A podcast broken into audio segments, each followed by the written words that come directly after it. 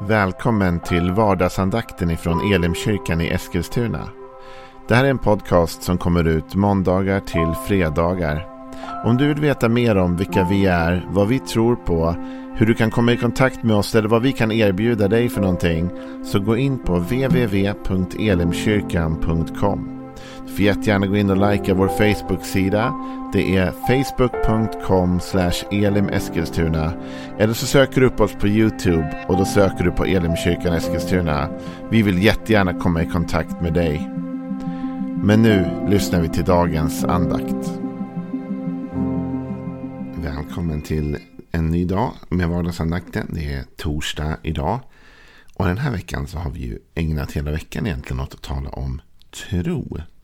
Och det har vi gjort utifrån en berättelse. Och ibland är det faktiskt lättare att förstå de här koncepten som Bibeln talar om i form av berättelser. När man kan se det utlevt och utspelat framför sig. Och här är ju berättelsen om Jesus som är ute och går med sina lärjungar. På håll så ser de ett fikonträd med gröna blad. Och Jesus han är hungrig. Så han tar sig dit liksom för att se om det finns någon frukt. Det gör inte det och Jesus han blir upprörd. Och han förbannar det här trädet. Och det står faktiskt att trädet dör. Dagen efter så kommer de förbi. Och det är då de får se att det har dött. Första dagen ser man ingenting. Men när man kommer dagen efter då ser de och Petrus reagerar. Och det är den texten vi ska läsa ytterligare en gång ifrån Markus 11 och vers 20. När de tidigt nästa morgon gick förbi fikonträdet såg de att det hade vissnat ända från roten. Petrus kom ihåg vad som hade hänt och sa till Jesus, Rabbi se, fikonträdet som du förbannade har vissnat. Jesus svarade dem, ha tro på Gud. Jag säger er sanningen. Om någon säger till det här berget, lyft dig och kasta dig i havet och inte tvivlar i sitt hjärta utan tror att det han säger ska ske, då kommer det att ske för honom. Därför säger jag er, allt vad ni ber om och begär, tro att ni har fått det så ska det bli ert. Och när ni står och ber, så förlåt om ni har något emot någon. Då ska också er far i himlen förlåta er, era överträdelser. Vi har talat den här veckan om att ha tro på Gud. Vi har talat om trons kraft. Och vi har talat om att tala ut det vi tror. Att våga vara aktiva i vår tro. Idag så vill jag lyfta fram den här versen när Jesus säger Jag säger er sanningen. Om någon säger till det här berget Lyft dig och kasta dig i havet. Och inte tvivlar i sitt hjärta. Utan tror att det han säger ska ske. Då kommer det att ske för honom. Och därför säger jag allt vad ni ber om och begär. Tro att ni har fått det så ska det bli ert. Det här väcker en spännande fråga tycker jag. Tror du på dina böner? Kan man börja så? Tror du på dina böner? När du ber, tror du att det du ber kommer att ske? Är du övertygad i ditt inre om det? Faktum är att Jesus säger här faktiskt att det är en grundförutsättning för att få se de här typerna av mirakel. Vi måste ju vara ärliga här. Det här är inget litet vanligt mirakel. Det här handlar inte om att liksom, man ber en bön bara Gud låt mig ha en bra dag och man fick en bra dag. Här talar Jesus om att berg, fysiska berg kan flyttas och träd kan dö. Och att detta sker, men då måste det kan bara ske, säger han. Om vi talar och är aktiva i vår tro och samtidigt är övertygade om att det vi säger kommer att ske. Då kommer det att ske för oss. Han säger senare, tro att ni har fått det så ska det, så ska det bli ert. I den stunden vi tar emot detta. Du kanske har hört det uttrycket ibland. Ta emot i tro.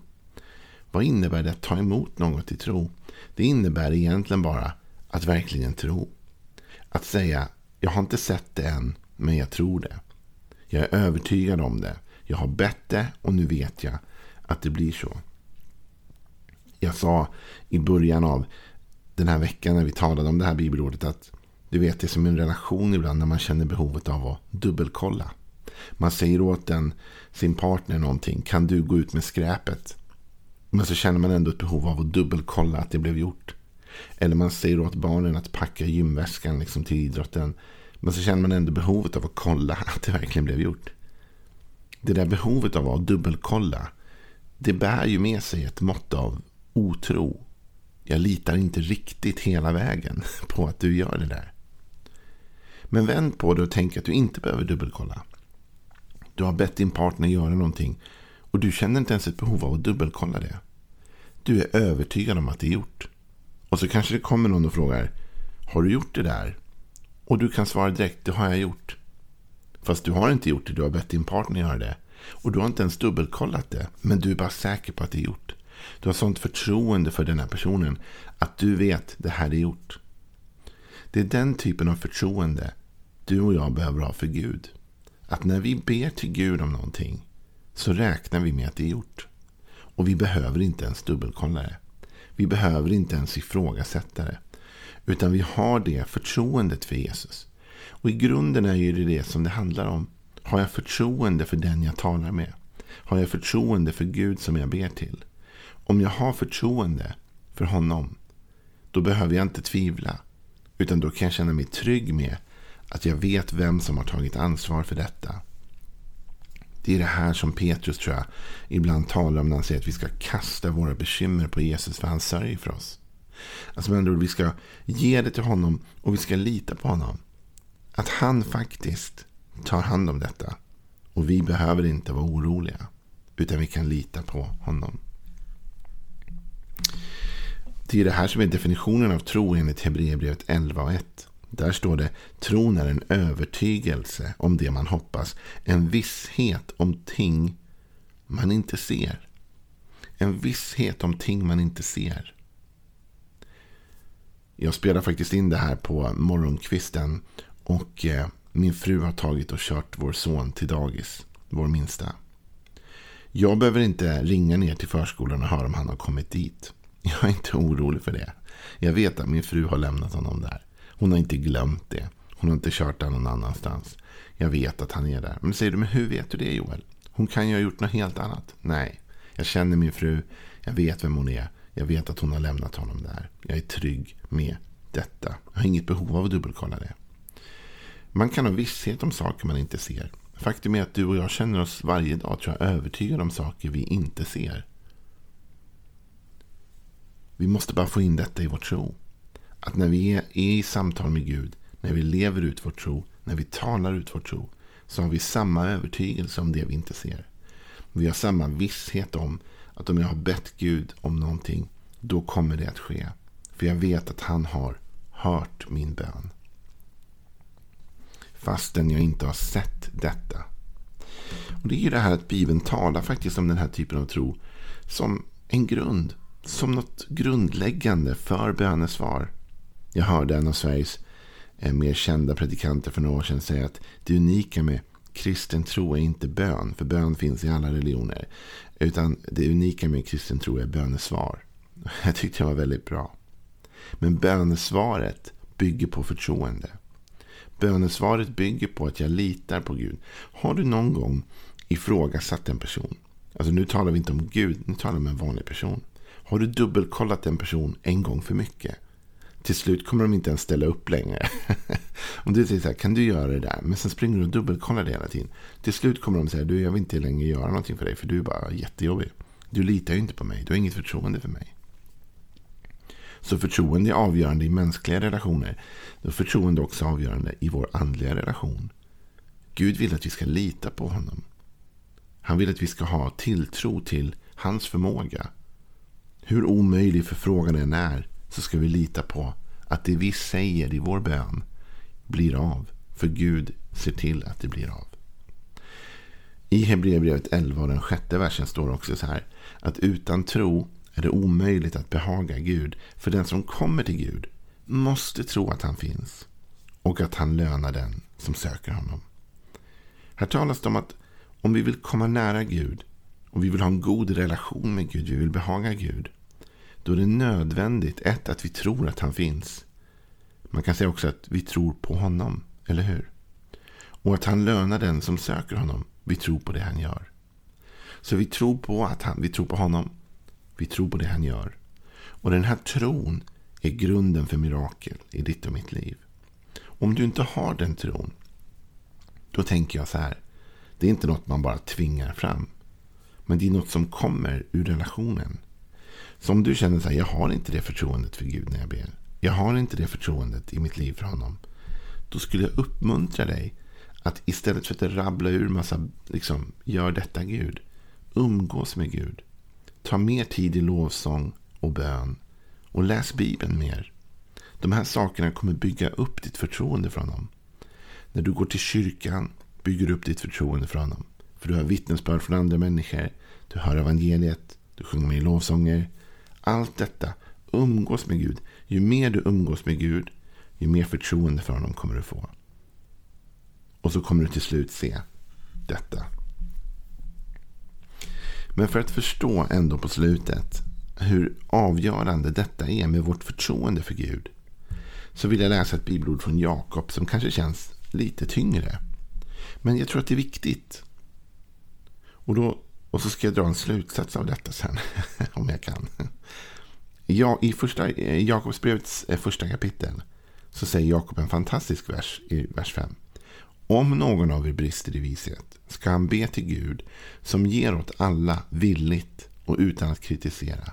Och han ska få. Men han ska be i tro utan att tvivla. För den som tvivlar liknar havets våg som drivs och piskas av vinden. En sådan människa ska inte tänka att hon kan ta emot något från Herren. Splittrad hon är och ostadig på alla sina vägar. En sådan människa, sa Jakob, ska inte tänka att hon kan ta emot något från Herren. Den som tvivlar, den som är ostadig. Så det är en grundläggande sak för vårt bönesvar. Och då kan man tänka så här, och det är det här jag ville dra den slutsatsen då. Att om du och jag får hjälp i vår bön när vi ber av Gud är beroende av vårt förtroende för honom. Jag skulle vilja att du tänker det ordet, förtroende. Har du förtroende för Gud? Eller känner du ett behov av att dubbelkolla honom hela tiden? Jag hör inte alltid Gud tala. Det har hänt vid flera tillfällen att jag upplevt någon form av vad jag tänker mig är Guds tilltal. Eh, och det kan hända ofta. Men en gång hörde jag Gud tala. Och han har sagt det flera gånger, samma sak. Det har återkommit. Det är ett av våra vanligare samtal med varandra. Det är när jag har bett om någonting. Bett Gud hjälpa mig med någonting. Lämnat över någonting till Gud. Sagt Gud du måste lösa det där. Gud du får ta det där. Och direkt efter den bönen så är inte jag bättre än att jag börjar tänka på hur jag ska lösa det själv. Jag vet inte om du har gjort så någon gång. Man ber till Gud. Gud tack för att du tar hand om det här. Och sekunden senare börjar man spinna loss i huvudet. Hur, hur ska jag nu lösa detta? Och i de stunderna har jag flera gånger hört Gud tala till mig och säga Joel, var det du eller var det jag som skulle lösa det där? För då hade jag precis lämnat över det till honom. Men jag försökte själv hitta lösningen. Och vad visar det egentligen? Förtroendebrist. För om jag lämnar över någonting till honom. Då borde jag ha förtroende för att han löser det. Och det här handlar inte om en passivitet från vår sida. Det vill säga vi kan lämna allt till Gud och inte ta något ansvar själva. Det är inte det. Men det handlar om att i de stunder jag har insett min egen brist. Vet att jag inte har en lösning, inte kommer förbi detta. Jag ber till Gud om hans hjälp. I den stunden måste jag våga lita på hans hjälp. I den stunden måste jag våga lita på att han kommer fixa detta. Och jag behöver inte dubbelkolla det. Utan jag har förtroende för honom. Låt de här tankarna växa inom dig idag. Och se till att spendera mer tid med Jesus. För det är i tid med Jesus. Det är tiden när vi ber. Det är tiden när vi läser Bibeln. Det är tiden när vi sjunger lovsång eller lyssnar till lovsång. När vi går till kyrkan. Det är de här tiderna då vi bygger vår relation med Jesus. Och det är i de tiderna som vår tro, vårt förtroende för honom stärks. Ha en välsignad dag. Imorgon kommer vi avrunda den här serien som vi kan kalla det om tro. Så häng med då. Hej då.